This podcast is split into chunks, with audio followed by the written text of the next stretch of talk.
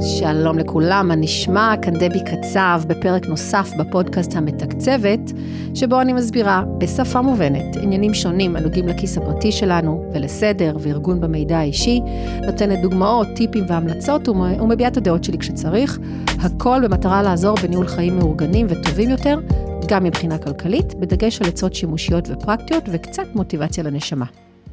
אחד הנושאים שחוזרים על עצמם כל הזמן, גם אה, בקרב אה, מתעניינים אה, אצלי ולקוחות שלי, זה, ובכלל ברשת אני רואה את זה המון, בכל מקום, גם במדיה בכלל, בפודקאסטים, בקבוצות כלכליות יהודיות בפייסבוק, ממש בכל מקום, הוא הנושא של השקעות.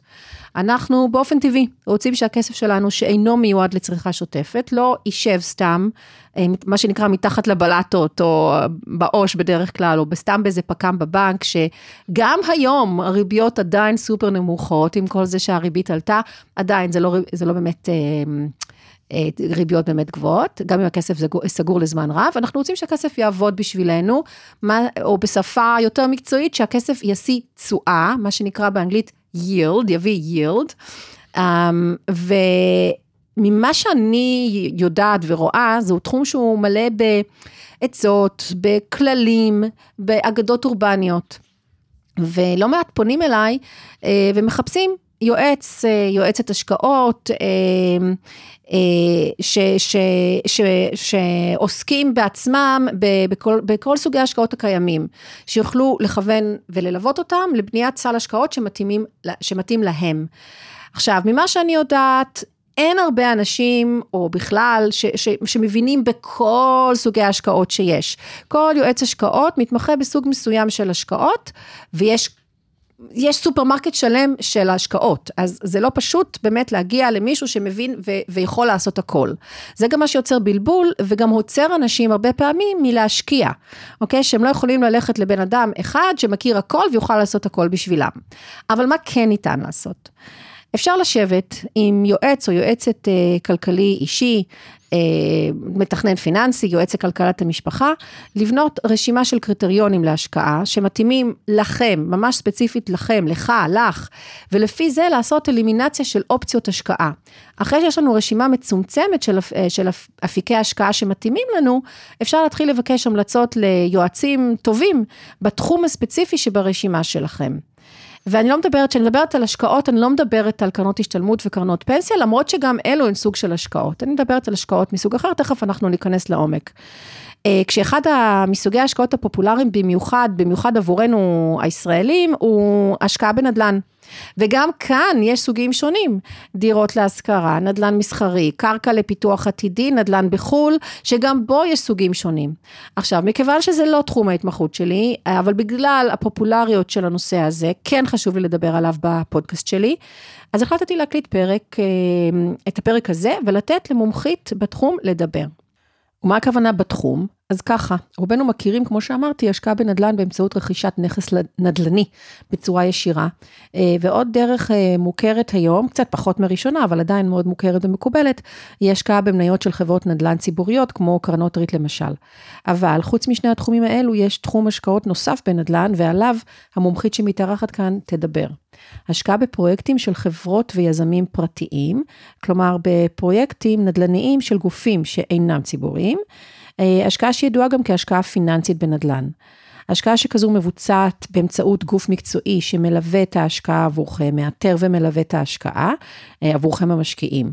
אז הפרק הזה הוא ספציפית אה, ולעומק על השקעות מסוג זה, מהן בדיוק סוגי הנדל"ן המתאימים להשקעה כזו, סוגי ההשקעות הקיימים, למי ההשקעות האלה מתאימות, מה התהליך, ומאוד מאוד חשוב, איך לבחור את הגוף המקצועי שילווה את ההשקעה. אז אני בשלב הזה דיברתי מספיק, ואני רוצה להגיד שלום לאורחת שלי, לאורלי רובין. ברוכה הבאה לפודקאסט המתקצבת. שלום דבי, תודה, אני שמחה להיות פה. מתרגשת אפילו. אז אה, כן, זה עדיין גם מרגש עבורי גם להקליט וגם לארח פה אנשים. וכמובן, איך אפשר בלי להתחיל בהצגה עצמית, שתציגי את עצמך למאזינים, תסבירי מהם תחומי המומחיות שלך, וקדימה, ואז, ואז ניכנס לעומק של עניין, ענייני ההשקעות. אוקיי. Okay. אז uh, שמי אורלי רובין, אני יועצת כלכלית. אני מלווה משפחות בתהליכי תכנון פיננסי לצמיחה. זאת אומרת, הפוקוס שלי הוא צמיחה כלכלית, ואיך אפשר לעשות יותר כסף מהכסף שיש לנו. כשאת אומרת צמיחה, למה את מתכוונת בדיוק? אז זה דבר שונה אצל אנשים שונים. אצל אחד זה חסכונות שוטפים וקבועים ליעדים מסוימים. אצל השני זה להגדיל את ההון, יש לי היום 100, איך הוא יהפוך להיות 200. אצל השלישי זה הכנסה פסיבית. אצל הרביעי זה לקנות דירה להשקעה או דירה למגורים. אצל, יש אנשים שבאים ואומרים, אה, אנחנו רוצים אה, בעצם... אה, לפרוש בגיל 50, וזו הצמיחה הכלכלית שלהם. אוקיי. אז כל משפחה עם הצמיחה שלה. הבנתי. אני עוסקת בתחום כבר למעלה מעשור, וליוויתי בהצלחה מאות זוגות צעירים ומשפחות בתהליכים כאלה. יפה מאוד. בנוסף, אני נדל"ניסטית. בעשור האחרון הקמתי שתי קרנות השקעה בנדל"ן שמאפשרות למשקיעים להיכנס להשקעות נדל"ן גדולות עם סכומים קטנים. את אחת הקרנות העוסקות אה, בהשקעות יזמות בארצות הברית גם מנכלתי. אוקיי. Okay. היום אני כבר לא בעולם הקרנות. בשנים האחרונות יש לי חברת ייעוץ שמלווה משקיעים מסוגים שונים ובונה עבורם פורטפוליו השקעות בנדל"ן. יחד עם השותף שלי שהוא רואה חשבון בשם לירן רובין, mm-hmm. אין קשר משפחתי. אה, לא רובין ורובין? לא. רגע, אבל שם העסק הוא? רובין ייעוץ והשקעות, ייעוץ נדל"ן והשקעות. יצא לכם נוח, לא הייתם צריכים לעשות אה, רובין את רובין. לא, רובין. נכון. אוקיי. Okay. אז uh, יש לו ניסיון של למעלה מעשור בתחום השקעות נדל"ן בחו"ל, ומאות פרויקטים שליווה ובדק אותם בהיקפים של מעל מיליארד דולר, ואנחנו מלווים שלושה סוגים כן, משקיעים. כן, תסבירי לי באמת איזה סוגי אנשים מתאימים לחברה שלכם. אז קודם כל אנחנו מלווים גופים שמנהלים כספים של אנשים, למשל family office, שרוצים שהמשקיעים שלהם ישקיעו בנדל"ן בצורה מבוקרת ואחראית. Mm-hmm. אנחנו מלווים חברות שעוסקות בתחומים שונים. שרוצות להשקיע את ההון שנצבר אצלהם, ו- ומשקיעים פרטיים בהשקעות נדל"ן בארץ ובחו"ל. ולמשקיעים פרטיים, אז למשל אה, הגיעה אלינו משפחה ש- שקיבלה ירושה מאוד גדולה ויש להם סכום כסף גדול והם רוצים להשקיע את כולו בנדל"ן, אז אנחנו ממש בונים תיק, כמו שיש מנהל השקעות שבונה השקעות בשוק ההון, mm-hmm. אנחנו בונים להם תיק השקעות בשוק הנדל"ן, ובוחרים את ההשקעות נדל"ן ומלווים זה אותם. אנשים פרטיים. אז רגע, אני רק חוזרת לסוג השני שאמרת, זאת אומרת חברה, חברה מסחרית כלשהי, לאו דווקא בתחום הפיננסי, או גם בתחום הפיננסי, שיש לה באמת אה, כספים עודפים שרוצים להשקיע אותם, אה, והם בוחרים להשקיע בנדל"ן, אתם יכולים לבוא אליכם. כן, אני אתן ו... דוגמה. כן. אה, לאחרונה הגיעה חברה אה, בתחום, בתחום הביטחוני, הם עוסקים בתחום הביטחוני, יש להם הון גדול שהם צברו בחברה, והם אה, בעצם רוצים להשקיע את ההון הזה. וחברות גם יכולות להשקיע את ההון שיש להם בחברה, ובעצם להגדיל את ההון שיש בחברה. נכון שהם יכולים uh, למשוך ועל משיכה יש דיבידנדים, אבל אפשר אפילו לקנות דירות דרך הון שנצבר בחברה mm-hmm. ולהשקיע בנדל"ן בכל מיני השקעות, ויש הרבה חברות שמשקיעות ההון הזה. כן, הם צריכים אה, מן הסתם ייעוץ כדי לעשות את זה כמו שצריך, לפי כן. כל החוקים וכל המגבלות ולא מגבלות וכל כן. הדברים האלה, אז את ולירן בעצם אה, מתמחים ב- בלעשות את זה. כן. אוקיי, ובנוסף, כמו שאמרת בהתחלה, את במקביל לכל הצד הזה, הצד הנדל"ניסטי נקרא לזה, יש לך את הצד הייעוצי והליווי של, המשפחות. של המשפחות. תספרי קצת איך את עובדת ב, ב, בהיבט הזה, כי הבנתי מהשיחה המקדימה שלנו, ואנחנו עושים, עשינו הכנת עומק, מה שנקרא, שאת עובדת עם, בעצם עם סוג של, אה, אה, כאילו גייסת מסביבך יועצים. אה, בתחום של התכנון הפיננסי, אם את יכולה נכון. קצת להסביר, כי, כי יש שם בינינו קצת חפיפה בקטע הזה, כי אנחנו בעצם... קולגות, ואנחנו ככה הכרנו בעצם, נכון. מה, מהצד של ה... אה, כלכלת המשפחה נקרא לזה, מהצד של הייעוץ הפיננסי, התכנון הפיננסי, אבל אנחנו עובדות בצורה שונה, כלומר, את, לא רק אנחנו עובדות בצורה שונה, את הוספת לבסיס הזה של התכנון הפיננסי את ההשקעות בנדל"ן, אני הוספתי את הניהול מידע ואת העזרה יותר באמת בבניית מאזן וניהול תקציב, אבל את אה, ומכאן כל אחת גם לקחה את זה לדרך אחרת לעבוד, אז אם, את רוצה לה, להסביר למאזינים. אוקיי, okay, אז אני אתחיל מזה שתכנון פיננסי בעצם, זה להתאים את מטרות הח- החיים שחשובות למשפחה, לאמצעים שעומדים לרשותם. אני אגיד גם שתכנון פיננסי מתייחס לכלל ההיבטים הכלכליים של המשפחה. זה לא רק התקציב, זה לא רק החסכונות, זה לא רק ההלוואות או מינופים או, פ- או משכנתה, זה גם הביטוחים וגם הפנסיות וגם השקעות שוק נדל"ן והשקעות שוק ההון, וגם מה ניתן לילדים, וכל הדברים האלה יחד, אני מתכללת אותם לתמונה אינטגרטיבית אחת, שבעצם מאפשר, ש- שהיא תמונה מאוד חשובה, כי ברגע שלמשפחה יש אותה, זה מאפשר להם לקבל החלטות על פי התמונה הזאת. אה, מה שאני עושה, אני עובדת עם צוות שכולל את אנשי הביטוח והפנסיות, את ההשקעות שוק ההון, את המיסוי, את המשכנתאות, וכמובן השקעות נדל"ן שזה ערך מוסף שאני מביאה.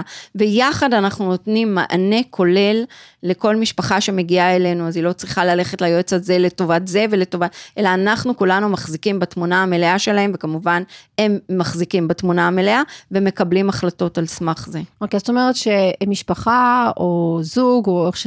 אפילו יכול להיות אינדיבידואל, כן? זה לא כן, חייב להיות בהחלט. תמיד בשניים או יותר. אה, מגיעים אלייך ואת המתכללת אה, של כל התיק, מול כל אחד מאנשי המקצוע האלה, וכשצריך הם גם נפגשים איתם. נכון. על הדברים האינדיבידואליים של כל אחד מתמחה בהם, אם זה רלוונטי, אם מישהו נכון. לא צריך עכשיו משכנתה, או, או מחליט לא לעשות השקעות נדל"ן, רק נכון. השקעת שוק ההון, אז, אז הם עובדים אה, מולו, כשאת, כשכל הקשר ה... המרכזי הוא דרכך. נכון, אני עושה את ה-case management, את כל הדבר, כן. ואני בונה בעצם את האסטרטגיה. אני יושבת עם כל אחד ואחד מהיועצים, כשנגיד אה, מגיע לקוח עם תיק השקעות, אז אנחנו, אה, אני מעבירה את זה למנהל ההשקעות, והוא בודק, והוא נותן חוות דעת על תיק ההשקעות של הלקוח, Mm-hmm. וכנ"ל בביטוחים ובפנסיות, ואז המלצות לשינוי. ו... ברגע שרוצים אה, להמשיך ובעצם להוציא לפועל ולשנות את התיק, או לעבוד עם היועץ שבצוות שלי, אז יש פגישה, ו- ואז אה, בעצם ממשיכים הלאה אוקיי. על פי האסטרטגיה.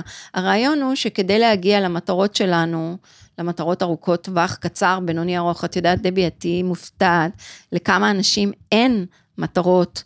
טווח קצר, בינוני, ארוך, אני מדברת על מטרות כלכליות, וכשאין לנו אותן... מטרות כלכליות זה בדרך כלל גם מטרות חיים, כלומר זה בדרך כלל מתערבב אחד בשני, כי רוב מטרות החיים שלנו, מה לעשות, קשורות גם לכסף. כן, אז אם אין לנו את זה כמטרות ולא בנינו תוכנית עבודה איך להגיע למטרות האלה, כן. לא בטוח שנגיע לזה, וברגע שאנחנו בונים בעצם תוכנית עבודה, אני בונה תוכנית עבודה, איך להגיע למטרות האלה, הסיכוי להגיע לזה הוא הרבה יותר גדול. אין ספק, במיוחד שאת בעצם. גם אני עושה את הקטע הזה של בוא, בוא נבנה את התוכנית וממש נעמיד אותה על ציר זמן וכמה כסף ומתי רוצים לעשות, מה החלומות, אה, כמה תרצו להשקיע, כמה, לפעמים את תרצו להשקיע. אה, הוא מתוך כל מיני ערכים והיסטוריה שלאו דווקא, לאו- לאו דווקא מתאימה לסיטואציה. נכון. אז לפעמים זה צריך כאילו להוריד אותם קצת, נגיד עכשיו, סתם, דוגמה, אה, בר מצווה של ילד, רוצים עכשיו לעשות אירוע פגז, להזמין, לא יודעת מה, את נועה קירל, אה, 200 אלף שקל כל האירוע, אבל זה בכלל לא ב... וזה, ו- ורגע, והבר מצווה בעוד שנה, ואין להם את ה-200 אלף שקל האלה, אז לפעמים אנחנו צריכים להוריד אותם ולהגיד, רגע, רגע, אולי נשנה קצת את, ה, את השאיפה, תעשו ב-100 אלף שקל, קצת תעשו משהו יותר, כדי שגם לא רק כי אין לכם, כי אולי יש לכם עוד שאיפה אחר כך, שתצטרכו את הכסף הזה. אז לפעמים אנחנו גם עוזרים להם לשנות קצת את ה... אנחנו קודם כל עוזרים להם, גם את וגם אני, אני מניחה, להגדיר את החלום, ואז לראות אם הוא ריאלי, ואז אולי קצת לשנות אותו, אם זה בסקייל ואם זה בטיימינג, אם אפשר, לא תמיד אפשר בטיימינג, את יודעת, בר מצווה וכאלה, לא תמיד אפשר בטיימינג. אני מניחה שגם את עושה את הדבר הזה. תראי, אה, אני חושבת שכשאני אומרת שהפוקוס שלי הוא צמיחה, אני מתכוונת לזה שגם אם מגיעים אנשים עם מינוס, אני לא מדברת על אה, מינוסים קשים, או... אה, כרוניים. או, או כרוניים, או הוצאה לפועל, או חוזרים צ'קים, או BDO שלילי, זאת אומרת דירוג אש- אשראי שלילי. אני מדברת על אנשים שמרוויחים יפה. זהו, רציתי לשאול אותך באמת, אחר כך תתני לנו את הפרופיל. אז אנשים, שמר, נגיד, שלך. אנשים שמרוויחים יפה, והם באים ואומרים שהכסף נוזל להם בין האצבעות, והם לא מצליחים לחסוך. כן, גם זה מה שאומרים אז, לי, אז כן. אנשים כאלה, אני שמה את הפוקוס על, לא על איפה זה נוזל, אלא תראו לאן אתם יכולים להגיע. כן, כי זה יעזור לשנות את ההתנהלות עכשיו. וברגע שהם רואים לאן הם יכולים להגיע, תוך כמה שנים נגיד נוכל להגיע לדירה, או נוכל להגיע ל... לעוד דירה. ל- לעוד דירה, או לא משנה מה, או לתיק השקעות, או ל-100 אלף שקל, או ל-500 אלף שקל, אז הפוקוס משתנה ובעצם המוטיבציה הפנימית משתנה. ואז נכון, ואז אפשר גם ל- ל- לעשות את השינויים האלה ביעדים ביותר קלות. כן. כלומר, גם השינוי של, אוקיי, אנחנו נעשה בר מצווה, סתם זרקתי בר מצווה כדוגמה, אה, משהו אחר, יותר צנוע, יותר אה, אה, שונה ממה שכל החברים עושים, כי זה יותר מתאים לנו, לא כי אין לנו, אלא כי אנחנו מבינים גם את המחיר של זה, ואנחנו רוצים להגיע לשאיפות אחרות, אז הרבה יותר קל- בקלות אפשר לקבל את זה, ו... זה, זה פחות כאילו לוותר על חלום, זה כאילו, נכון. זה, זה פשוט משנה את הפרדיגמה בראש. אני אתן אה, עוד דוגמה, למשל הגיע אליי זוג שהם רצו, הם מרוויחים יפה, הייטקיסטים, רוצים לצאת לפנסיה בגיל 50, ובפגישה הראשונה הם אמרו שהם יעשו כל מה שצריך כדי לצאת לפנסיה בגיל 50. ואז כשהתחלנו לדבר על השקעות בשוק נדל"ן, כי יש להם את כל ההשקעות שהם אה, אה, צריכים בשוק ההון, ויש הרבה מניות בחברות וכל זה, אז הם בעצם... אה, הבינו שהם לא רוצים לקחת סיכון גבוה בהשקעות נדל"ן, ולא כל השקעה מתאימה להם. בעקבות זה הם עשו adjustment, התאימו את ה... את החלום. את החלום, את, ה, את המטרה הזאת. לפנסיה. כי הם הבינו שהם לא מוכנים ללכת להשקעות שהן אה, ברמת סיכון יותר גבוהה. אז זה גם ברור שהוא מאוד חשוב והוא קורה בתהליך. נכון, זה בה- בהתחלה, אבל אחר כך הוא גם מקבל יותר את התוקף. כן. אז, אז, אז באמת, ברג, אני חושבת שזו נקודה טובה לעצור, ואיזה סוגי לקוחות טובים לך או מגיעים אלייך כבר היום? אז מגיעים אליי אה, זוגות צעירים שהם בתחילת הדרך, תדעי לך שהחמש שנים הראשונות מאוד חשובות אה, לבניית ה... מה זה חמש שנים ראשונות ממה? לחיים ש- מחתונה, מחיים משותפים? מהחיים המשותפים, מתחילת זה- עבודה, מה? מהחיים המשותפים, כי זה שני, אה, שתי משכורות, דירה אחת, והם יכולים לחסוך סכום רב, הם יכולים נכון. בעצם לחסוך את ההון העצמי לדירה. ומגיעים אליי הרבה זוגות צעירים, ואומרים, אנחנו רוצים לעשות את הדברים נכון, אנחנו רוצים לעשות את זה מתוך תכנון. מגיעים הרבה הייטקיסטים שמבינים שהיום הם עובדים... צעירים הייטקיסטים. או לא, לאו בהכרח. הייטקיסטים. אוקיי. ושאומרים, אנחנו מבינים שלא לעולם חוסן, ויכול להיות שמחר נאבד את העבודה, כמו ואנחנו שאנחנו רוצים רואים היום כבר. בעצם לייצר לראות. מנגנון צמיחה, לייצר קפיצת מדרגה ממה שיש.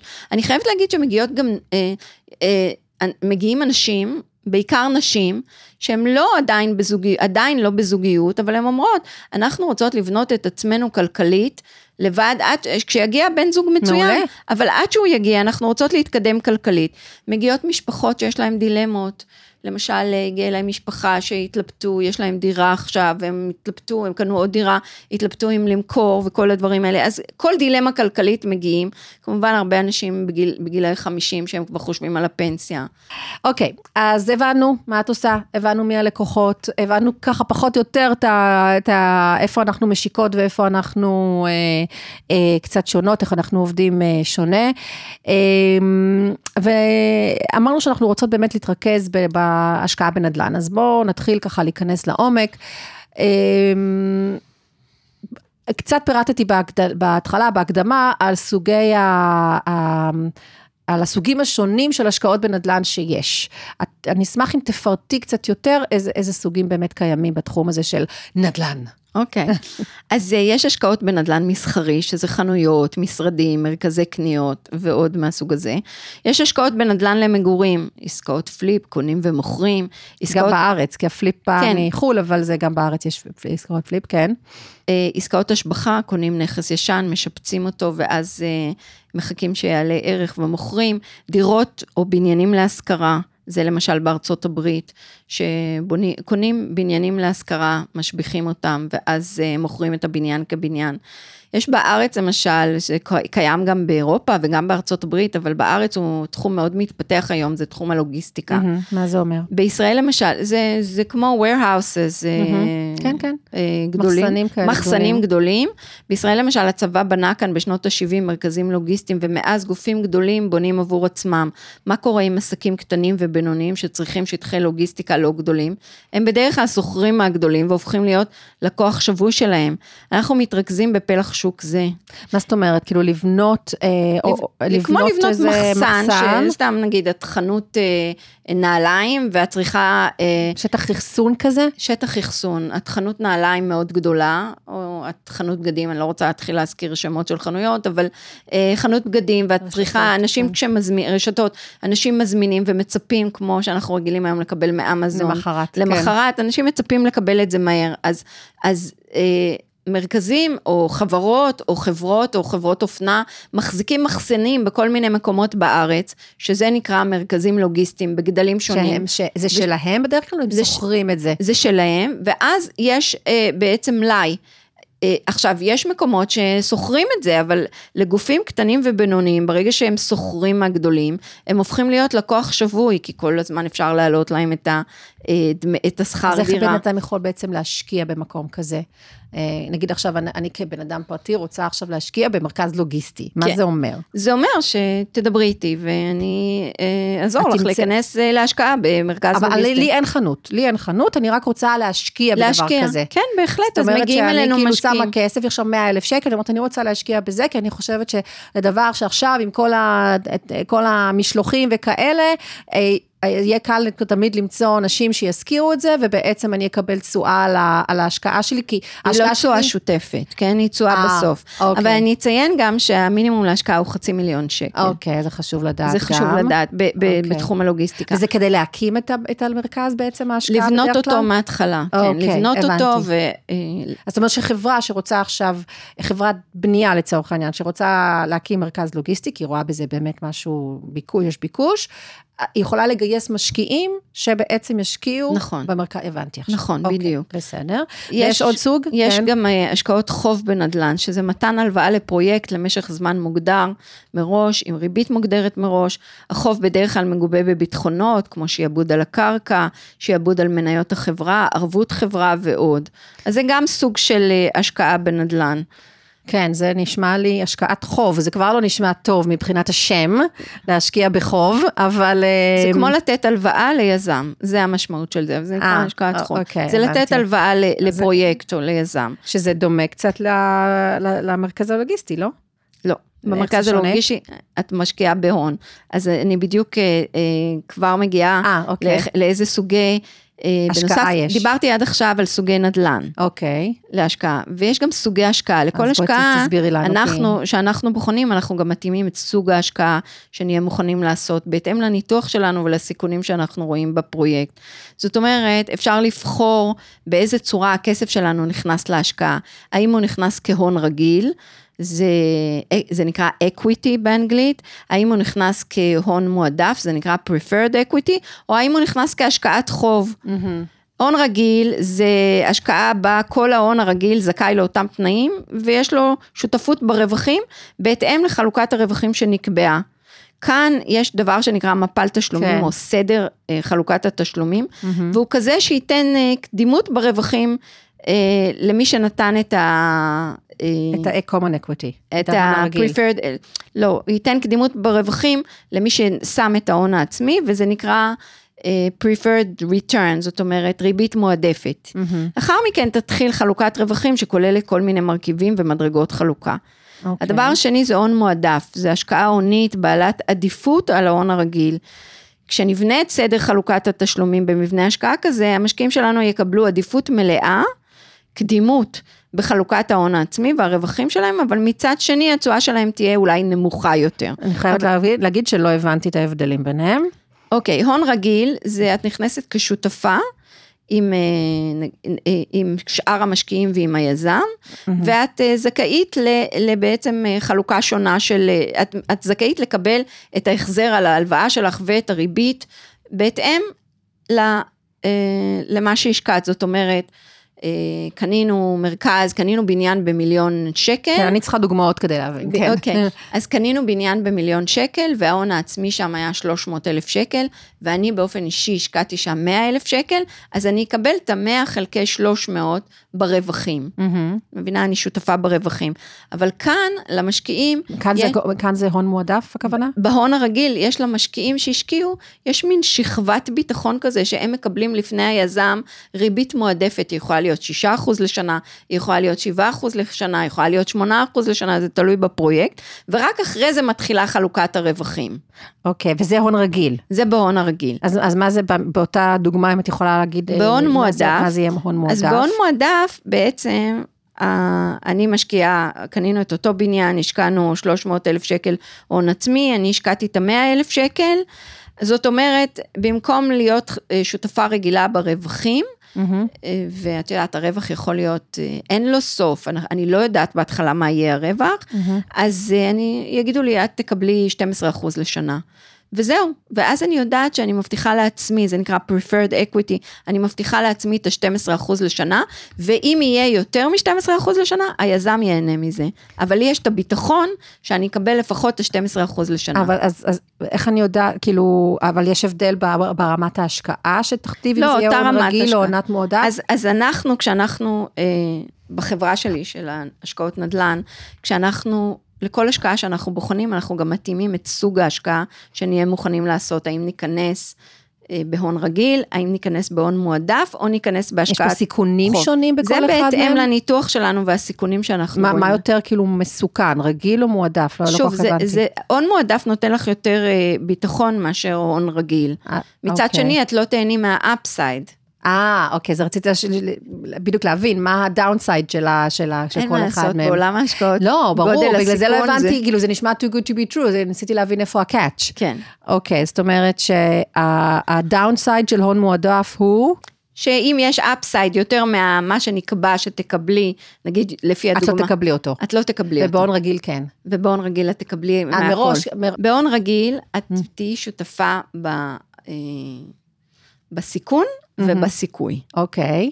זאת אומרת, אה, את מה שיהיו הרווחים בסוף, את תקבלי חלק מהם, בהתאם אוקיי. למה שנקבע. אוקיי. כמובן שבהון רגיל יש גם איזושהי מדרגה שהיא אה, להבטיח את. המשקיעים, שזה אה, נקרא preferred return, ריבית מועדפת, שהמשקיעים מקבלים את זה בדרך כלל לפני היזם. קודם המשקיעים מקבלים נגיד 8% לשנה, ואז אה, יש המון פעמים עוד מנגנון שגם היזם מקבל חלק, ואז מתחילה חלוקת רווחים, נגיד 80-20. אוקיי. את מבינה? ואז מתחילה חלוקת רווחים. בהון מועדף, בעצם מחליטים מראש שהמשקיע יקבל, נגיד, 10% לשנה, ולא תלוי, בהנחה שיש את הכסף הזה בפרויקט, שיש את זה ברווחים, כל מה שיש מעל, בעצם ילך ליזם. אוקיי, עכשיו הבנתי. יפה, אוקיי. תודה. בהשקעת חוב, כן, וזה השקעת זה חוב. לא, זה, זה לא משנה, כי קבעת מראש שאת נותנת הלוואה, וההלוואה נותנת 7% לשנה, וההלוואה הזאת, אה, יש קדימות על פני שאר המשקיעים, בדרך כלל אחרי הבנק, מהמם. אה, ואת מקבלת את זה, תנאי הלוואה לכל רגילים. דבר. אוקיי. אז אורלי, לסיכום הנושא הקצת מסובך הזה, וגם כדי לוודא שאני מבינה נכון את הנושא הזה של אה, סוגי אה, אה, השקעות, תקני אותי רק אם אני טועה, ואם לא נעבור הלאה כבר לנושא הבא. הסברת שיש אה, אה, שלושה, אה, שלוש דרכים להיכנס לסוגי השקעות מפיננסיות בנדל"ן.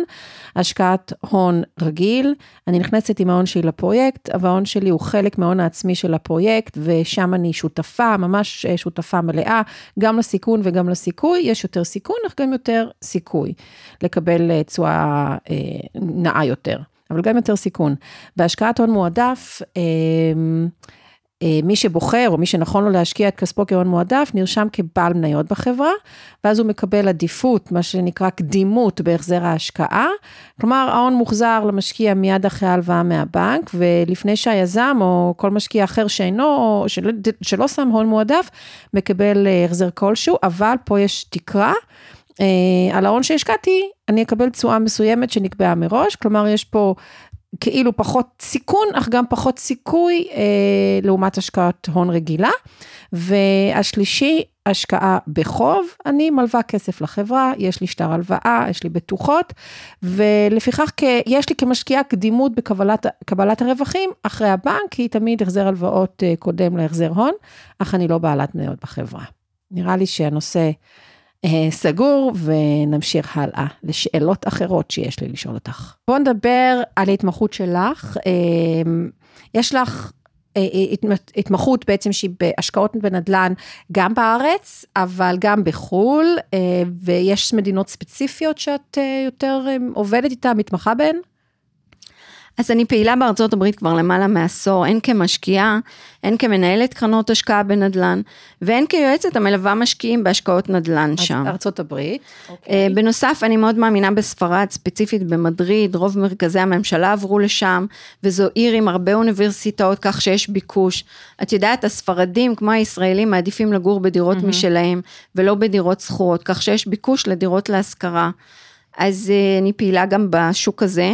בנוסף, בקורונה התחלנו פעילות גם בישראל בתחום המגורים והלוגיסטיקה. כן, שדיברנו על הלוגיסטיקה. ודיברנו על זה, כן. אוקיי, אז, אז יותר לעומק. איך את, אה, ויחד עם אה, לירן אני מניחה, איך אתם בוחרים עבור הלקוחות שלכם, ואולי גם עבור עצמכם, את הפרויקטים להשקעה, פרויקטים להשקעה בתחום הנדל"ן כמובן. אוקיי, אז יש אה, בעצם, זו שאלה מעניינת ויש לה שתי תשובות. תשובה אחת זה שיש לנו, אה, רוב הזמן אנחנו נכנסים לארבע עסקאות בשנה בארצות הברית או בשוק אחר, בספרד, ובעצם כל הזמן יש לנו השקעה שהיא פתוחה, שאם יש אה, משקיע שבא ואומר, יש לנו סכום של כסף, אנחנו רוצים להשקיע בנדל"ן, אנחנו מציגים לו את ההשקעה, בדרך כלל המינימום להשקעה הוא 100-150 אלף, בין 100 ל-150 אלף דולר, זה המינימום דולר, השקעה. כן. כן, או יורו.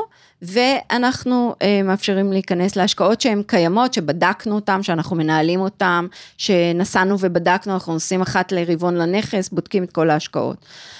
אה, דבר נוסף, אפשרות נוספת, זה אנחנו בעצם מגיעים אלינו אה, משקיעים גדולים, או למשל היום פנתה אלינו משפחה שקיבלה סכום גדול בירושה, רוצים להשקיע את כל הכסף בנדל"ן, הם ביקשו שנבנה להם פורטפוליו של השקעות בנדל"ן. אז כמו שיש מנהל השקעות בשוק ההון שבוחר את הניירות ערך, mm-hmm. מניות, אג"חים, עבור הלקוחות שלהם ובונה לו תיק השקעות, ככה אנחנו בונים תיק השקעות בנדל"ן. חשוב להבין שעולם ההשקעות הוא רחב כן, מאוד, לא כל מי שעוסק זה. בניירות ערך מכיר את כל עולם ההשקעות בהייטק לדוגמה, ואלו לא מכירים את עולם ההשקעות בנדל"ן. אגב, גם בניירות ערך יש הרבה פעמים תת קטגוריות כמו ברור. תעשייה, קמעונאות, כן. וכשרוצים לבצע השקעה מסוימת כדאי לפנות למישהו שמתמקצע באותו תחום. כן, וזה מה שאמרתי בהתחלה, ואני באמת, חשוב לי להדגיש את זה כל הזמן, אה, שבגלל זה צריך להבין מה האסטרטגיה שלך ומה מתאים לך ואיזה סוגי השקעות מתאימים לך, ואין דבר כזה עכשיו, מישהו שתלך ותלך אליו ויהיה מומחה בכל התחומים. אז צריך לעשות את האלימינציה הראשונית, שגם בזה את uh, עוזרת לעשות וגם אני uh, יודעת לעשות, ו, uh, ואז once הבנו, כאילו עשינו את האלימינציה שדיברתי עליה קודם, של זה לא מתאים לך בגלל רמת סיכון, זה לא מתאים לך כי זה יותר מדי ארוך טווח, לא יודעת מה, כל מיני דברים, או דברים שפשוט לא מתאימים לערכים שלך. אז אפשר, אה, הגענו כאילו לקבוצה קטנה יותר של סוגים, ואז צריך למצוא את האנשים באמת שמתמחים, אם זה נדל"ן בספרד, בארצות הברית, באנגליה, בלוגיסטיקה, בלא יודעת מה, שהם ילוו אותך לבחור ספציפית את, ה, את, ה, את הפרויקט. אה, אז אני חושבת שבזה אנחנו מאוד מסכימות, וזה משהו שמאוד בער לי להגיד אותו, כי אני נתקלת, כמו שאמרתי בהתחלה, אני נתקלת בכל כך הרבה אנשים ש... יש לי 200 אלף שקל, פוסטים בפייסבוק, כל מיני קבוצות. במה אתם מציעים לי להשקיע? אני רואה את הפוסטים האלה, אני, חי... אני חייבת להגיד שאני מדלגת הלאה. כי השאלה כל כך כללית, אנחנו לא יודעים כלום עליך, איך יענו לך? התשובה היחידה שמישהו יכול לתת לך, באמת, שתהיה תשובה טובה, שאי אפשר לתת לך תשובה בלי להכיר אותך ואת כל החיים שלך כדי להגיד לך אה, איפה להשקיע. נכון. אז יש אה, אני... נטייה לפנות, לעבוד בצורה של עדר המון פעמים. אה, אח שלי השקיע בזה, אז אני אלך גם. הדוד שלי השקיע בזה, אז אני אלך גם. והמון, ואנשים שוכחים לבדוק דבר נורא חשוב. האם ההשקעה משרתת את המטרות שלי? את המטרות הכלכליות. את המטרות וגם את הערכים שלי, אוקיי? כי באמת יש אנשים שלא מוכנים להשקיע ב... סתם, אני זורקת. בחו"ל, רוצים רק בארץ, אוקיי? אז זה כבר מוריד לך, או הפוך. נכון. אז, ו- וערכים גם יכולים להיות בקטע של באמת ערכים, לא להשקיע בשוק ההון בחברות של, לא יודעת, סיגריות, או, או שעושות ניסויים על בעלי חיים. זאת אומרת, אתה צריך גם להכיר מי אתה. אז לא, לא, לא, לא אה, אל תתפתו. לקחת עצות מקבוצות כאלה בפייסבוק, זה מה שאני אומרת, כי סביר להניח שזה שמישהו שאל שאלה, אה, או שאתה שואל את השאלה, מי, מי שיענה לך לא מכיר אותך. אז ייתנו לך דברים שהם סופר כלליים ויכולים אפילו, להיות uh, לנזק. Mm-hmm. Uh, אני רוצה שתחדדי לי קצת יותר, אורלי, בבקשה, את הנושא הזה של uh, מי בעצם בנוי להשקיע ומי לא. אוקיי. Okay. אז uh, קודם כל, ברמה של משקיעים פרטיים, uh, שרוצים להשקיע בארץ, בנדל"ן או בחו"ל, נורא חשוב לחדד שזה לא הכסף האחרון שלהם. מה זאת אומרת? שהם לא ייפלו מבחינה כלכלית אם ההשקעה לא תצליח. נורא חשוב לי להגיד שהשקעות, יש בהן סיכון. זה אה, לא כל השקעה בנדל"ן מצליחה, גם אם עושים את כל העבודה בצורה טובה ביותר. לא רק בנדל"ן, בכל דבר. בכל דבר, נכון, אבל יותר התרגלנו לקבל את זה בשוק ההון. גם בשוק הנדל"ן זה אותו דבר. את יכולה להיות, היזם יכול להיות מצוין, ופתאום מגיעה קורונה, והפרויקט נתקע. ומה עושים? ובינתיים יש ריבית שצריך לשלם. ואתה בנית גם, גם על, על איזה תשואה נכון. בשנה מסוימת, וזה לא, לא מגיע כי הפרויקט תקוע. נכון, לכן חשוב שזה אנשים שזה לא הכסף האחרון שלהם, לא שאנשים שהם צריכים את זה בעוד שנתיים לחתונה של הבת. Mm-hmm. כי נדל"ן, המון פעמים יש עיכובים. אוקיי, וגם... אז לא הכסף האחרון, זה ממש חשוב, חשוב, חשוב לזכור את זה. נכון. אה, לגבי החברות? החברות, אז חברות שצברו הון ולא רוצות למשוך אותו בגלל מיסוי גבוה, יכולות להשקיע את ההון ולהגדיל את ההון הנצבר של החברה, וגם אה, משפחות שצברו הון ורוצות שגוף מקצועי יאתר וינהל עבורם את ההשקעות. בארץ ובחו"ל, וגם אנשים פרטיים שיש להם את ה-150 אלף דולר. וזה לא הכסף האחרון. זאת אומרת, לא, משפחות כן. שצברו הון, את בעצם, עוד פעם, מתכוונת ל- כן. למשפחות שהכסף יושב להם באיזשהו מקום, ולא כן. באמת מושקע, כן. וזה לא הכסף שעכשיו אה, יעשה את ההבדל בין, אה, אה, כאילו, גם אם הוא לא יסיט את התשואה, לא כספי הפנסיה של אנשים. לא פנסיה ולא ביום, ולא ליום-יום. כן. אוקיי. הסכום המינימלי, להשקעה למשקיעים פרטיים הוא בין 100 ל-150 אלף דולר. דולר. כשאנחנו מדברים עם חברות 아, אוקיי. ועם משפחות שרוצות שבעצם גוף מקצועי יאתר עבורם וינהל את השקעות הנדל"ן, שם המינימום להשקעה הוא חצי מיליון דולר. בגלל שרוב ההשקעות הן בארצות הברית, הדיבור הוא דולרי, אבל זה לא משנה, יותר פשוט לדבר בדולר, גם אם אנחנו מדברים על השקעות בלוגיסטיקה בישראל. אוקיי, בסדר, אז טוב לדעת שזה, שזאת השפה. אוקיי, אז אה, בואי ניכנס לתהליך, אם את יכולה עכשיו באמת, אה, בואי נדמיין איזשהו אה, משקיע, אה, שיש לו את ה-200 אלף דולר, משקיע פרטי, בסדר? אה, פונה אלייך, אתם עושים, מה קורה מאותה פנייה, הבנת שזה באמת לקוח שמתאים לך, והבנת, אולי עשית גם את הניתוח הראשוני אה, של התכנון הפיננסי הראשוני איתם, ועכשיו את רוצים בעצם להתחיל להשקיע, מה קורה? אז אה, אנחנו נפגשים עם המשקיע לפגישה, להבנת הצרכים, זמן ההשקעה. האם הוא צריך תזרים שוטף מההשקעה, או שהוא יכול לקבל, זה בסדר מצידו, לחכות לקבל את הקרן והרווח בסוף ההשקעה. Mm-hmm. אני מציגה בפניו כל מיני סוגי השקעות בנדל"ן בשווקים שאנחנו פעילים בהם, מסבירה מה היתרונות והחסרונות, מה הסיכונים של כל השקעה, ובסופו של דבר, חותמים על הסכם שירותים. אם יש השקעה רלוונטית על הפרק והמשקיע מעוניין, מתקדמים לחתימה על הסכם השקעה. אם אין, נכניס אותו בהשקעה הבאה. בדרך כלל יש לנו כארבע השקעות כאלה בשנה. Mm-hmm. במשקיעים גדולים הפורמט קצת שונה, אנחנו הולכים ומאתרים עבורם את ההשקעה המתאימה לצרכים שלהם. אוקיי. Okay. הבנתי. אז זאת אומרת, ההבדל בתהליך הוא בגודל המשקיע, אם זה החצי מיליון דולר ומעלה, או פחות. אמ, אז לי זה נשמע שזה תהליך שדורש המון אמון ואמונה במוביל הדרך, או מובילת הדרך. אה, ואנחנו שומעים לא מעט סיפורים על השקעות נדל"ן, אה, גם בארץ, אבל גם בחו"ל, שהסתיימו במפח נפש. אה, אני לא אזכיר שמות, אבל אני חושבת שהרבה אה, שמעו, שאנשים באמת אה, איבדו את הפנסיות שלהם, איבדו כספים שהם לא היו הכסף, שהם היו הכסף האחרון שלהם בעצם, וכל העניין הזה של האמון והאמונה זה סוג של פרמטר רך כזה, כלומר, זה לא רק מספרים, זה באמת להכיר אותך לצורך העניין, ולתת בך את האמון שאת תדעי להוביל אותם בצורה הנכונה. אז אה, כש... כשעכשיו מאזינים לנו משקיעים פוטנציאליים, איך את מציעה להם לבחון את מובילה או מובילת ההשקעה בפרמטר הזה של האמון והאמון, האמונה זה יותר אה, משהו אחר, אבל ה... לראות שבאמת הבן אדם הזה שיוביל אותי או תוביל אותי, הם באמת אמינים, ואפשר באמת, באמת, באמת, אה, שהם אנשי מקצוע במלוא מובן המילה. אז אה, תראי, כשאני התחלתי להשקיע, בחרתי שוק שאני מכירה יחסית. עשיתי את התואר שלי ב-NYU בניו יורק, וחייתי שם שבע שנים. אז הרגשתי נוח עם ניו יורק. זה היה ב-2011, קצת אחרי משבר הסאב פריים, ומחיר הנדל"ן בניו יורק היה מאוד אטרקטיבי. בחנתי אז 12 קבוצות, ובסוף בחרתי אחת. רגע, את אומרת, בחנתי 12 קבוצות, זה נשמע, ישבתי שעה, שעתיים על האינטרנט. ממש לא שעה שם, עשיתי עבודה. עשית עבודת עומק, זה לא, את יודעת, אמרת את זה בחמש מילים, אבל זה... זה בטח עשית שם עבודה של חודשים כדי חלק להגיע. חלק מהעבודה שלי בהייטק, בגופים של הייטק שעשיתי לפני שהגעתי לעולם של התכנון הפיננסי והשקעות, היה פיתוח עסקי, והייתי צריכה בעצם לאתר גופים שאיתם אפשר לעשות שיתופי פעולה. אז גם לאתר אותם, גם לבדוק אותם פיננסית, משפטית, ו, ולראות. זה, זה וואחד מחקר. אז, אז אה, אה, עשיתי את ה... עכשיו, אני אומרת, בחנתי 12 קבוצות, זה אותה עבודת מחקר. כמו מאוד רציני, ש... זה מאוד, מאוד רציני, רציני, כן. וזה שילוב, זה שילוב של סיבות למה בחרתי בקבוצה שבחרתי, אמון זה בהחלט מרכיב חשוב, אבל לצערי זה לא מספיק, זה ממש לא מספיק.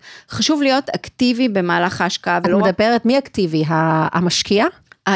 המשקיע לא צריך... רק מוביל ההשקעה, לא רק את כמובילת הפרויקט. לא, אני מדברת כשהולכים לבחור יזם או מישהו להשקיע איתו, חשוב להיות אקטיבי. במהלך ההשקעה, לא רק לסמוך על היזם, או, או לא רק לסמוך על היזם ולקוות לטוב. זו הסיבה שבעצם לירן ואני הקמנו את חברת הייעוץ. Mm-hmm. כי אני מאמינה שחשוב לעבוד עם גוף שמתמחה בתחום, ויכול להיות נציג אמיתי של המשקיע בהשקעה.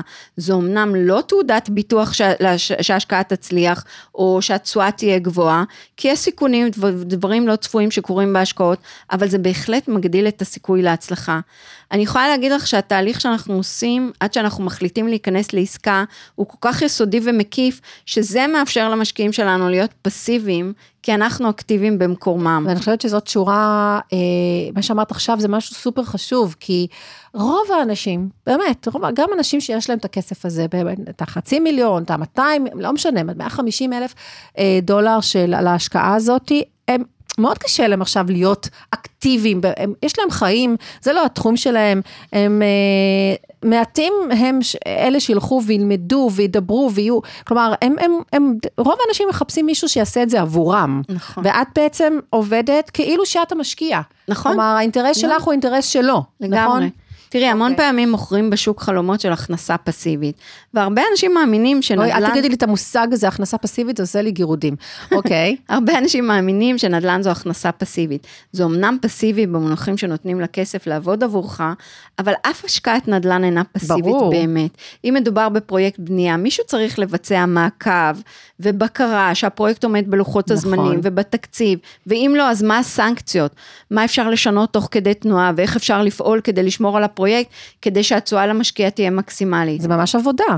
אם מדובר בפרויקט מניב, צריך לוודא שהיחידות מושכרות, הנכס מתוחזק כמו שצריך, לבצע מעקב שחברת הניהול והשותף המקומי פועלים לטובת הנכס, שלא משאירים כל מיני חשבונות פתוחים. אז כדי שההשקעה או משקיע באמת ייהנו מלהיות פסיביים, אנחנו צריכים להיות אקטיביים בשבילם, ואנחנו עושים לנכסים כל רבעון או מחצית, נפגשים עם השותפים המקומיים, מנהלים שיחות טלפון, עוקבים אחרי דוחות ובקרה, וכמובן משתפים את המשקיעים שלנו באמצעות עדכונים שוטפים. כאילו ממש שולחים להם אה, עדכונים במייל, אה, אה, באיזה... מקיימים גם שיחות. אוקיי, באיזה שלב הפרויקט נמצא? את מדברת גם על פרויקט שהם נגיד בשלבי בנייה, כן. או גם once הם כבר, הבנייה הסתיימה, יש שם שוכרים לצורך העניין ולא מכירה, אה, ו- וצריך לראות מה, מה, מה בעצם, מה קורה ב- ביום-יום, אחרי שכבר הפרויקט עומד על הרגליים. נכון. למשל, למשל יש לנו פרויקט בניו יורק, שיש בו מספר יחידות שמושכרות, קנינו את הנכס במחיר זול יחסית, ועשינו השבחה, ואנחנו מחכים בעצם שערך הנכס יעלה. בינתיים הדירות מושכרות, וכש... ועשינו, הוצאנו עכשיו בלון ניסוי לש... לאוויר כדי לבדוק אם ערך הנכס עלה מספיק, ואם זה זמן לאקזיט, והחלטנו שאנחנו נחכה עוד שנה. בגלל הקורונה, הכל נדחה. אקזיט אבל- הכוונה למכור את כל הבניין. למכור את כל הבניין כיחידה אחת, ואז... אוקיי, למשקיע אחר, ו- ו- מן הסתם. כן, ואז המשקיעים בעצם יקבלו את הכסף שלהם חזרה, הקרן פלוס אה, הבנתי.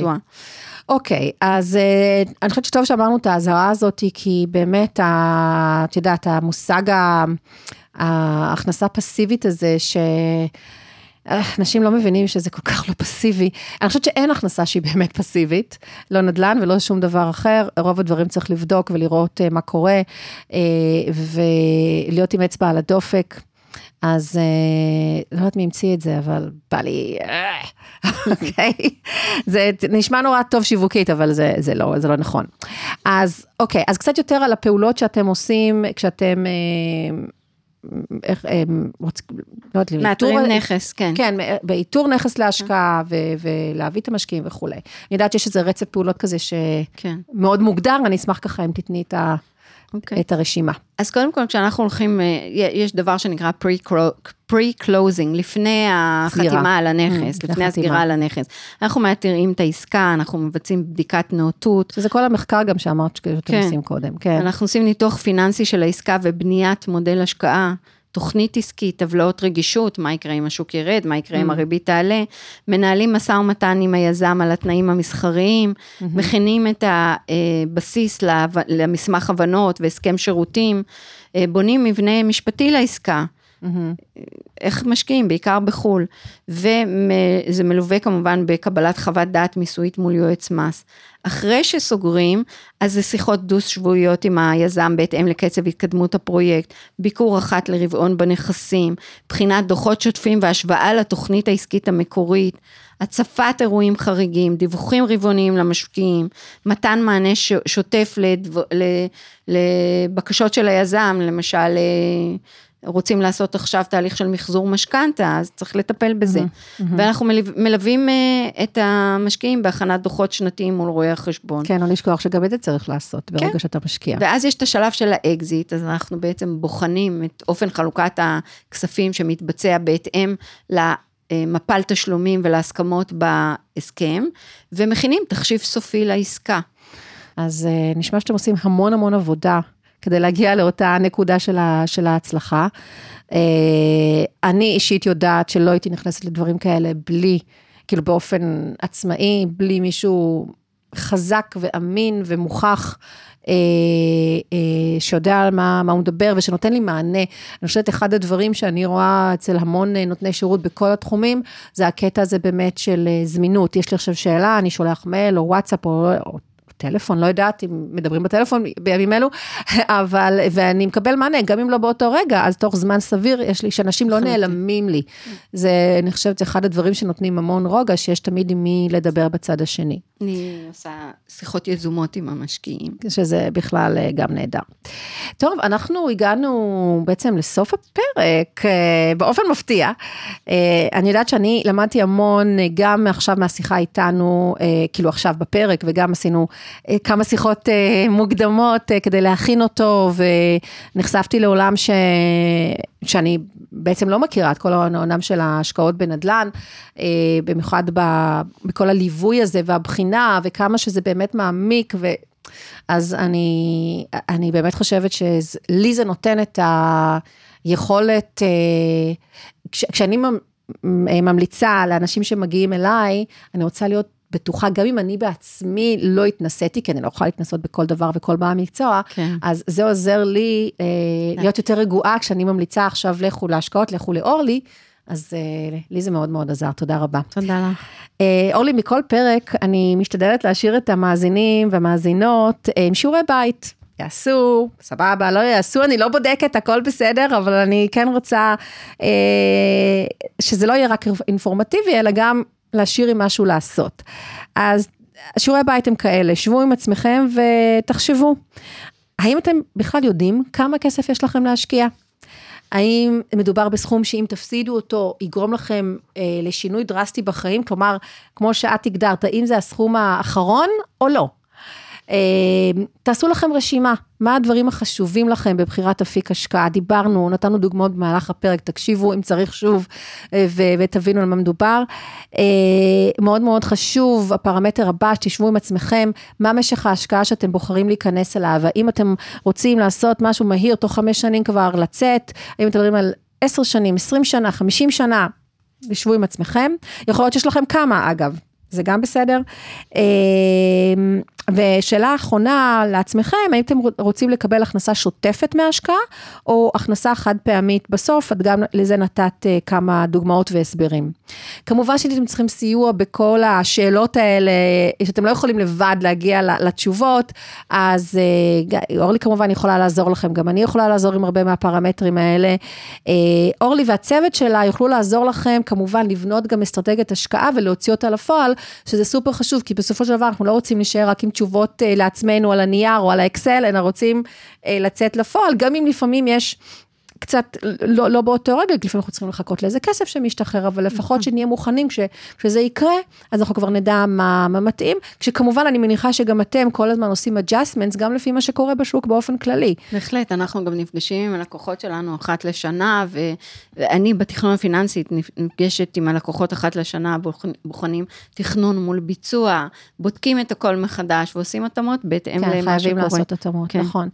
אז אה, אורלי, ממש ממש תודה על ההקלטה היום, על ה... על ההכנה הרבה שעשינו ביחד. ו... תודה לך, אני ממש בשמחה, אני באמת פה כדי להעשיר, ואני יודעת שיש הרבה פודקאסטים שמדברים או רק על השקעות, או יש בהם פרקים על השקעות, אבל אני תמיד מצאתי שמשהו שם לא, שוב, יכול להיות שיש ולא שמעתי, אבל לא היה עד הסוף מובן לי, ובגלל זה היה חשוב מאוד מאוד לעשות פרק דווקא בפודקאסט שלי על הנושא הזה שהוא לא התחום. המיידי שאני מתמחה בו. כמובן שאני מארחת פה הרבה אנשים שעוסקים בדברים שאני לא מתמחה בהם, אבל ספציפית זה שהוא כלכלי, אבל לא מה, מה, מה, מתחומי האחריות שלי, היה לי מאוד מאוד חשוב. וכמעט אחרון, איך הכי טוב ליצור איתך קשר למי שמאזין? אז קודם כל יש לי אתר שנקרא orlyrubin.com, וזה אורלי עם איי, mm-hmm. ויש לי עמוד פייסבוק שנקרא אורלי רובין ייעוץ וליווי כלכלי. נשים את כל הלינקים גם בנוט של הפרק. וטלפון? מה? אה, לא, לא, אני, אני חושבת שהכי טוב, הטלפון או וואטסאפ או האימייל מופיעים כן. במקומות האלה, נראה בדיוק. לי הכי טוב שם.